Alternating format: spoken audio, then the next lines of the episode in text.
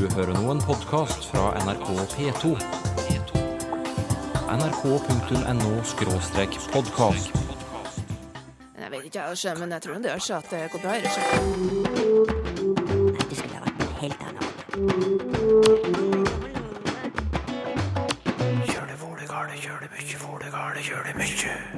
I dag lanserer vi et nytt ord. Rumleknott. Det er jo logisk, for det er jo den ristinga eller skranglinga med tegningene som da blir kalla å, å rumle. Vi mennesker vil gjerne bli likt. Derfor tilpasser vi språket til den vi snakker med. Så att om en kund sier hei, da sier han også hei. Og sier en kund tjena, da sier han også tjena. Noen stedsnavn er ironiske. Jeg vet om en plass på Øyebukken som heter Tjukkeskogen. Men dette er en uh, vindfull og treløs stad. Det fins ikke, ikke et tre, altså. Vi er i det løsslupne hjørnet i dag og åpner med lytterspørsmålene i stedet for å ta dem til slutt. Du er med på det, Tor Erik Gjenstad. Ja, Arabere er første tema. Faren min er fra Haugesund, skriver Hans Kjelle. Og når faren skal være litt patriotisk, kaller han seg gjerne for araber. Men hva kommer det av at haugesundere kaller seg arabere? Det er iallfall et mysterium for lytteren vår her. Ja det er jo faktisk et lite eh, mysterium. Det som òg er artig her, det er jo at uh, haugesunderne har tatt det i bruk sjøl. og kanskje gjør det til litt et patriotisk nummer å, å kalle seg for arabere. Slike eh, innbyggernavn som det der, de er gjerne litt nedsettende, så det er kanskje naboene som bruker dem først og fremst. Så det er jo en norsk folkesport å, sette utnavn på folk eh, nabobygda eller nabobyen. Eh, Men her har de greid å, å snu det der litt. Nei, Det er jo flere teorier om det der hvorfor haugesunderne eh, får hett arabere. Og det er jo ei historie spesielt som går igjen i mange varianter. da, At det da er en haugesunder som er med mannskapet på et skip jeg, og er i arabisk havn, går i land og blir frastjålet klærne sine. Somme varianter sier at det var i port side. Men i hvert da at han måtte improvisere når han skulle på båten igjen, og ha da noe laken eller litt sånn lokal klesdrakt når han prøver å komme seg om bord, og, og blir da stoppa, får ikke lov til å komme om bord i båten. Og så sier han da at han er ikke araber, han er fra Haugesund. Det er jo den historien som går igjen. Jeg er ikke så sikker på det. Jeg har snakka med en kollega som er fra Karmøy, og han nevnte en mulighet at det kan jo være sjømannssleng. Jeg tror jo helt sikkert at det har å, å gjøre med, med Haugesund og sjøfolk og kontakt og samkvem utad på en eller annen måte. Kollegaen min han antyda at det kanskje kunne ha å gjøre med skarre-r i haugesundsk. Og at det kunne være jamført med de her harkelydene som en har i arabisk, at de dermed har fått oppnavnet arabere i visse sjømannsmiljø. Det er ikke råd å, å si om det her er rett, men jeg tror det er mer sannsynlig at det kan ha oppstått på en slik måte, og så kommer det da en sånn historie i etterkant til forklaring. Men helt sikker kan en aldri være. det, det er flere slike lesjingene. eh, Gudbrandsdalen de blir jo kalt for indianere av en eller annen mystisk grunn. Og jeg kan jo nevne nå at i dansk sleng så kaller de jo nordmenn i det hele tatt for blåøyde arabere.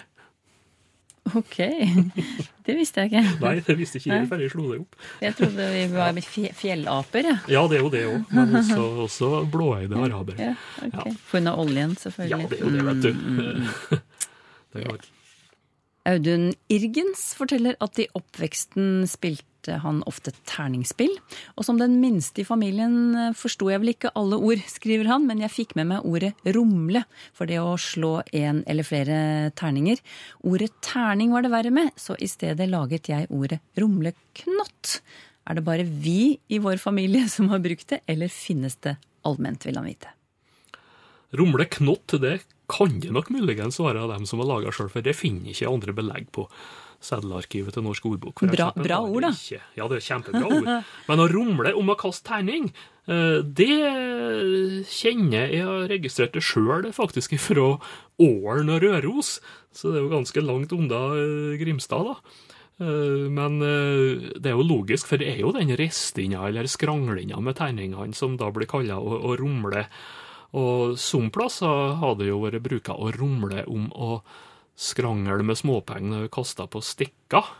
Det er belagt fra plasser som Sandnes og Haugesund. Så eh, rumleknott er superord. Jeg kan godt, eh, godt ta det i bruk om terning. I en tidligere utgave av Språkteigen har vi snakket om ord som ender på ert, altså ERT. Og denne sendingen hørte Otto Prytz, og han ble veldig begeistret, for dette er noe han eh, kan like. Han forteller at i sin nordnorske dialekt brukes eh, endelsen ERT, altså ert, mer enn i standardnorsk. Og betydningen er i de fleste tilfellene redskap eller middel eller instrument. Så kommer et eksempel her. Det som på standardnorsk heter dørvrider, skriver han, det kaller han for dørtrøkkert. Og en kleshenger kan godt hete klehengert. Eh, dette kunne vært artig om du kunne ha kommentert, Tor Erik Gjenstad. Og så lurer jeg på om, om dette er spesielt for Nord-Norge, at det er så mye av det der, eller finner vi det andre steder? Ja, eh, jeg lever nå med det her rundt meg hver dag, nærmest, i, i Trondheim, da. Mm.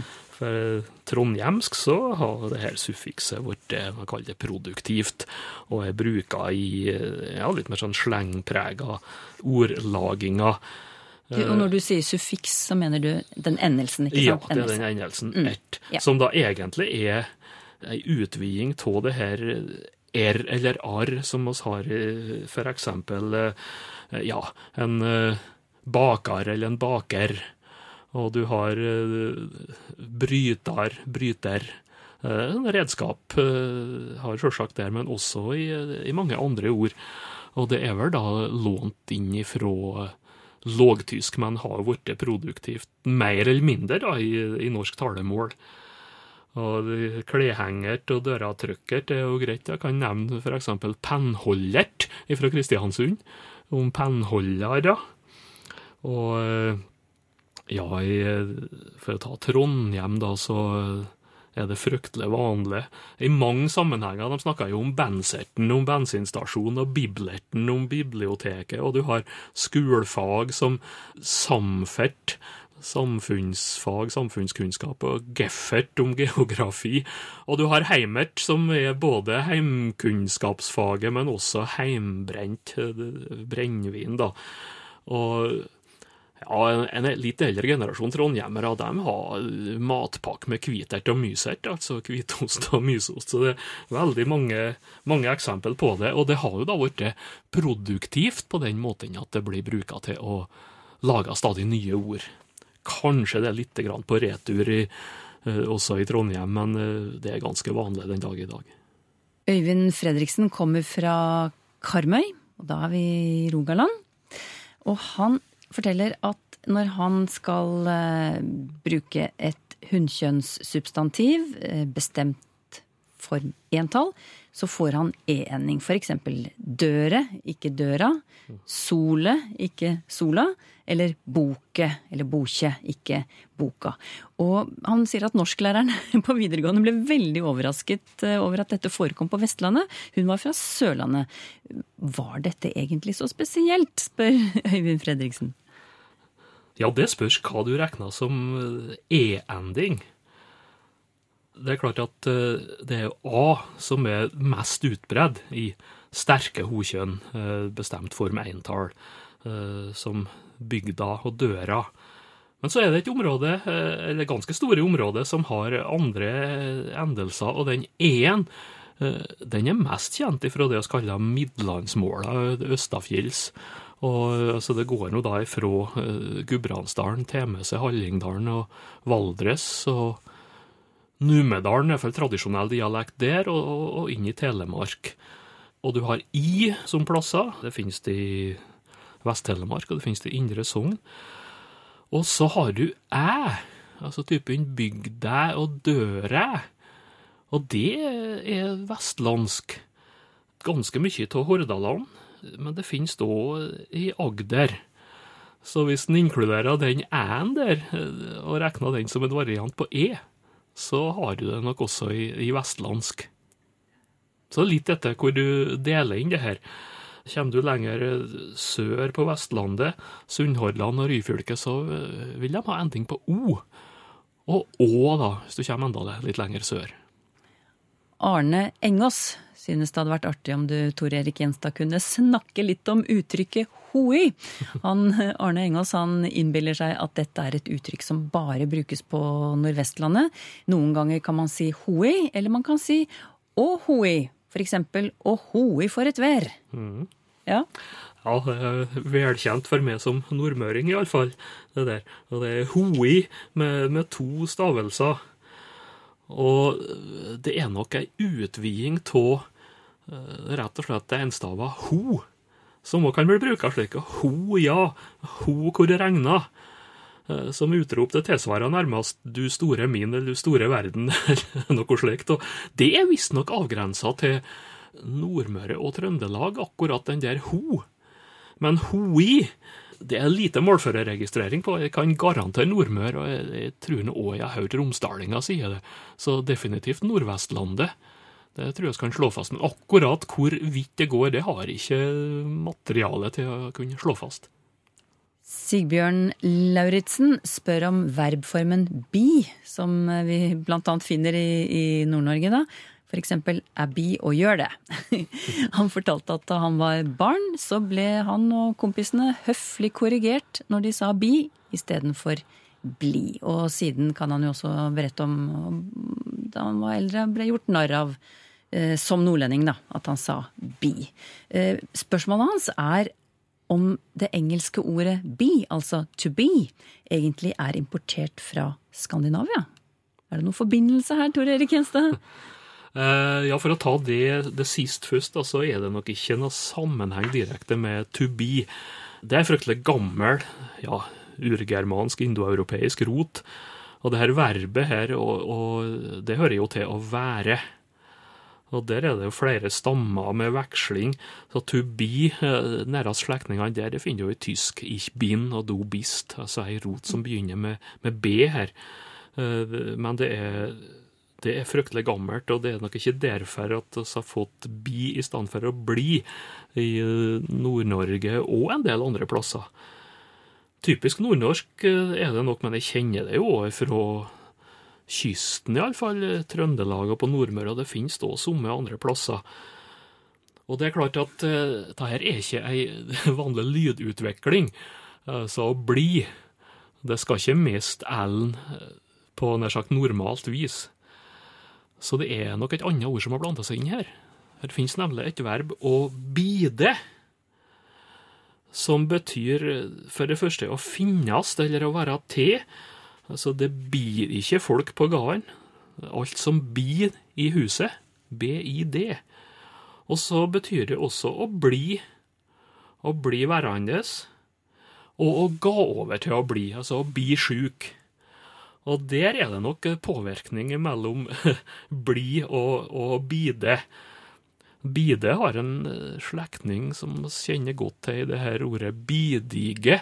Altså hver bidige en, hver eneste en som bi, som finnes. Så det er rett og slett ei sammenblanding. Det er et annet verb som har blanda seg inn i bøyinga av å, å bli.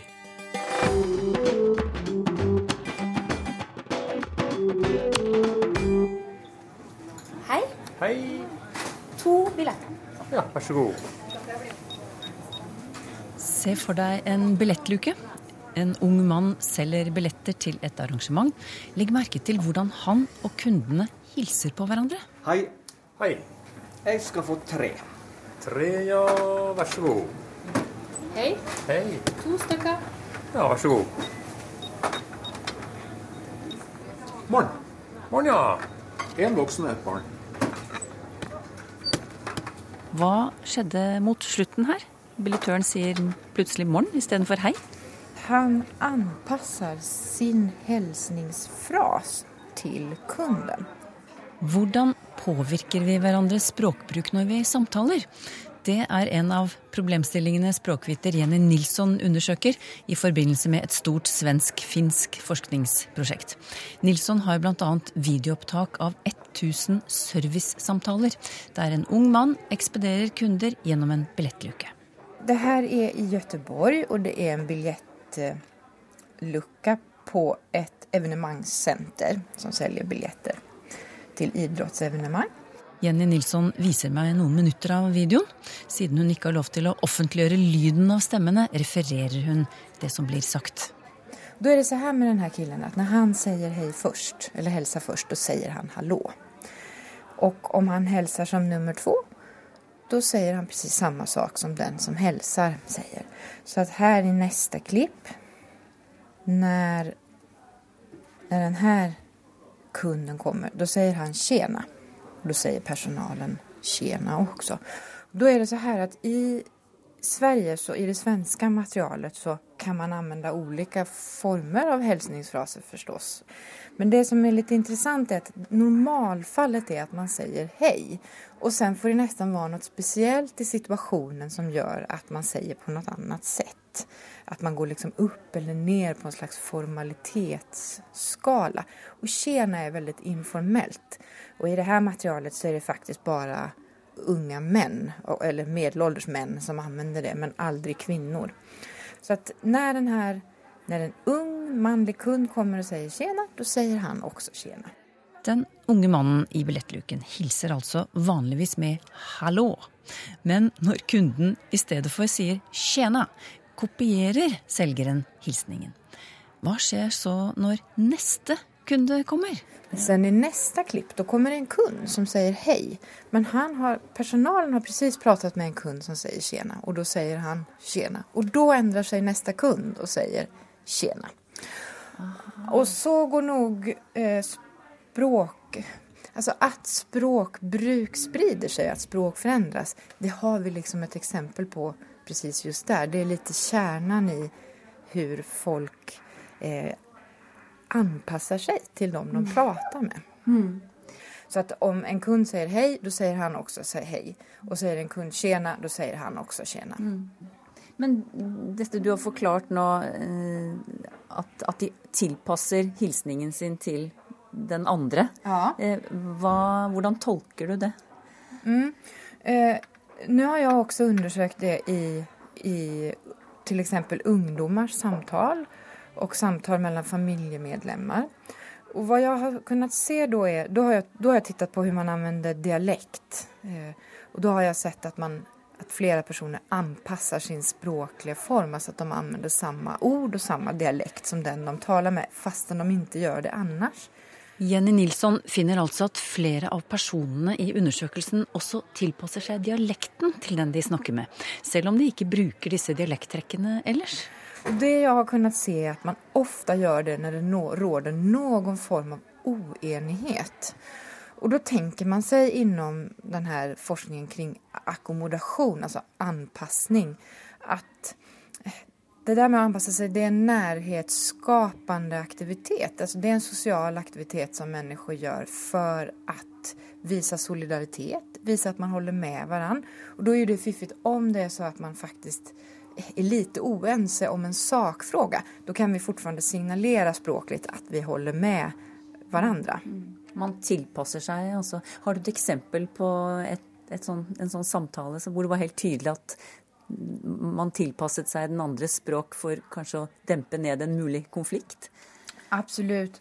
Eh, til eksempel et eh, ungdomssamtal der tre ungdommer skal berette eh, om vilket matställe på den lokala orten som är bra.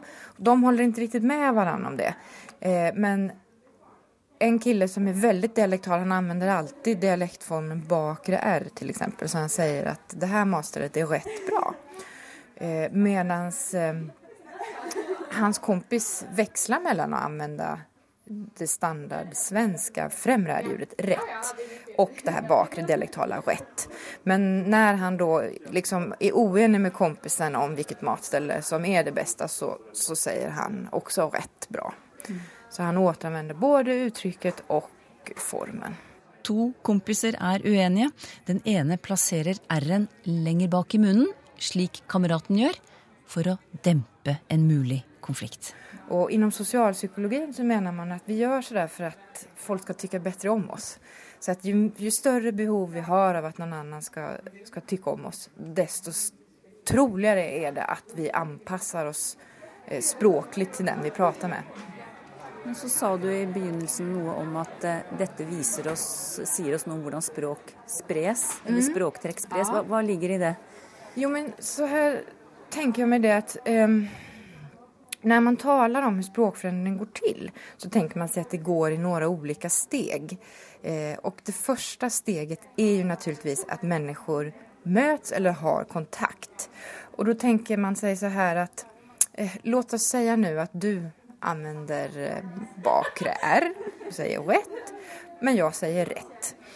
Och då när du har pratat med mig, då säger du rätt också. Du anpassar dig till mig i den här situationen. Men sen så kanske du går och pratar med en annan kompis och då börjar du använda det här rätt i den situationen också. Och då har du tagit med dig det och det är liksom nästa steg i den här. Att man tar med det till en situation där andra inte använder det. Och et siste steg i denne språkprosessen er at att man, eller forandringsprosessen er at man, eh, at flere og flere begynner å anvende det og at det faktisk skjer en forandring. At nå går plutselig alle rundt og sier 'rett' i stedet for 'ett'. Det sa Jenny Nilsson fra Institutt for språk og folkminnen i Gøteborg. Innslaget hørte du første gang 10. mai i fjor. Hvordan kan det ha seg at et vann som er rikt på fisk, heter fiskelausvatn? Eller at en gård med god vannkilde får navnet vasslaus? Det får du snart svar på, men vi tar veien om et annet gårdsnavn som Solvår og Bjarne Volle har sendt oss, nemlig Nagelhus i Snåsa i Nord-Trøndelag. Der har de vært på hyggelig besøk hos gode venner, men hva navnet betyr, kunne ingen fortelle dem. Det kan imidlertid du, navnegransker Inge Særheim. Hvordan har Nagelhus fått navnet sitt? Ja, dette er et gammelt gardsnavn, og det er skrevet i Naflausa i 1430. Og uten G både i 1530, 1590 og, seinere. Men så kommer det inn en skrivemåte med G 1520 og Nagelhus i 1559. Hva, hva betyr dette? Ja, uttalen er navlus, så det betyr nok navnlausa. Altså uten navn. Navnløs. Men hvorfor, hvorfor skulle noen kalle gården sin for navnløs? Ja, det er nok ikke sånn at de har kalt eh, gården sin dette her sjøl. Det, det er ofte naboer, altså grendelaget, som set- setter navnene. Så en har ikke alltid kontroll over de navnene som, som blir lagd. Og dette, akkurat dette navnet, navnløs, det, det finner en noen plasser. Ja, Det er ikke bare én gård som eh, har det? Nei, det, det finnes, flere plasser, og det også, en finner det òg i naturnavn. For eksempel ei, ei kjøtten, et lite vann i Sirdal som heter Navnlaus, og et annet som heter Navnlausvatnet. Men denne endelsen laus, den kan vi finne i andre sammenhenger også. Eh, Lytter Steffen Dahlberg forteller at han og svigerfaren kjørte forbi skiltet Brødløs i Halden, og Steffen syntes det var merkelig at et så frodig sted kunne få et så stusslig navn. Da fortalte svigerfaren, som er islandsk, om en gård på Island. Eh, Steffen er litt usikker på navnet, men vi, vi tror det eh, sannsynligvis at det er Vatnslausa, altså uten vann. Eh, Men der var det god tilgang på vann på denne gården. og Hvordan kan det henge sammen, Inge Seinheim? Ja, kanskje vi skal ta disse norske eksemplene først. Altså Ja. Brødløs, og vi har òg for eksempel grasløs, og husløs, og mjølløs.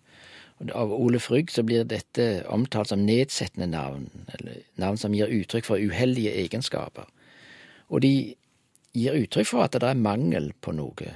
Det kan være frodig nå, altså, men, men i utgangspunktet så var det, var det vanskeligere forhold. Og det var nok òg her naboer som satte navn på plassene. Og Vi har det òg i naturen, en fiskelaus, for eksempel. Fiskeløys. Og det er tilsvarende navn i Danmark, brødløse, og i Sverige fleskløse, kakeløse, eggløse.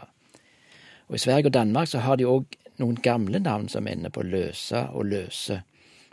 Løse da i Sverige og løse i Danmark. Og de er lagd før vikingtida og har, har et annet opphav. Altså, da betyr løse mer fuktig eng eller slette. Et eksempel er ramløsa Ja, fra Sverige. ja. Så, men det du sier at når, hvis et vann heter uh, Fiskelausvatn, eller et, uh, et, en gård heter uh, Vatnslausa, så har det opprinnelig vært både dårlig med vann og kanskje dårlig med fisk der? Ja, altså vatnsløysa, for det finner en på Island flere plasser, og der er den vanlige oppfatning at det betyr mangel på drikkevann. Altså det var ikke drikkevann på de plassene. Og de har òg andre lignende navn på Island. Veidiløysa, for eksempel. Dårlig fiskefangst. Og hjelpløysa, altså veldig hjelpeløysa, altså vanskelig terreng. Men, så er det, ja. så er det et, et eksempel som er interessant. eh, Vatnsløysa i Biskupstunga på Sørlandet. Der, var, der er det nok. Det er godt med overflatevann, så der er det ikke mangel på vann. Hva ville Så- man oppnå da, med Ja. å gi det et sånt navn? Ja, jeg, jeg har konferert med islandske navneforskere, og, og de, de viser da til ei tolking som er sett fram av en, en islandske språkforskere, som da mener at uh, siste leddet der s- sikter nettopp til at det der er blaut og fuktig jordsbunn. Altså det er mye myrer og, og blautlende mellom åser. Så der regna de med et annet innhold i ordet løs, altså, eller løyse. Det som slo meg, var at kanskje noen ganger ville man gi et, eh, et navn som for eksempel, altså negativt navn som f.eks. Fiskelausvatn, for å selv om det var mye fisk der, for å på en måte skremme andre bort, slik at man kunne få alt for seg selv. Har du tro på noen sånne, sånne Nei, egentlig ikke, for, for en, en styrer ikke, en kontrollerer ikke navnelaginga sjøl. Altså det, det er med et fellesskap som setter navn og bestemmer seg for hva for noen navn som, som skal være. Så, men, men det, det kan jo ikke utelukkes at, at uh, noen navn er lagd på den måten som du antyder, og, og noen av de plassene som har et navn som forteller at det ikke er fisk, de har faktisk fisk. Altså, det kjenner jeg òg eksempel på. Og det er eksempel på ironi i navnelaging. Der er- jeg kjenner ikke mange eksempel, men jeg vet om en plass på Bukken, øya som heter Tjukke skogen. Men dette er en eh, vindfull og treløs stad. Det fins ikke, ikke et tre, altså. Så det, da ser det ut som det er mer ironi. En navnelager med humor som har vært i sving der. Det var språkprofessor Inge Særheim som fortalte. Han er ved Universitetet i Stavanger. Har du spørsmål til Språkteigen? Skriv til Teigen, krøllalfa nrk.no, eller til Språkteigen, NRK P2, 7005, Trondheim. Så finner du oss også på Twitter og på Facebook. At dialektene lever i beste velgående i Norge, det vet vi. Men hvordan er det hos naboene våre i Sverige og Danmark? Ja, De danske dialektene de er Jeg pleier å si at de er døde. Det var jo mange barn som kom med dialekter til skolen, men det fikk man altså ikke prata i skolen. Språkteigen om en uke.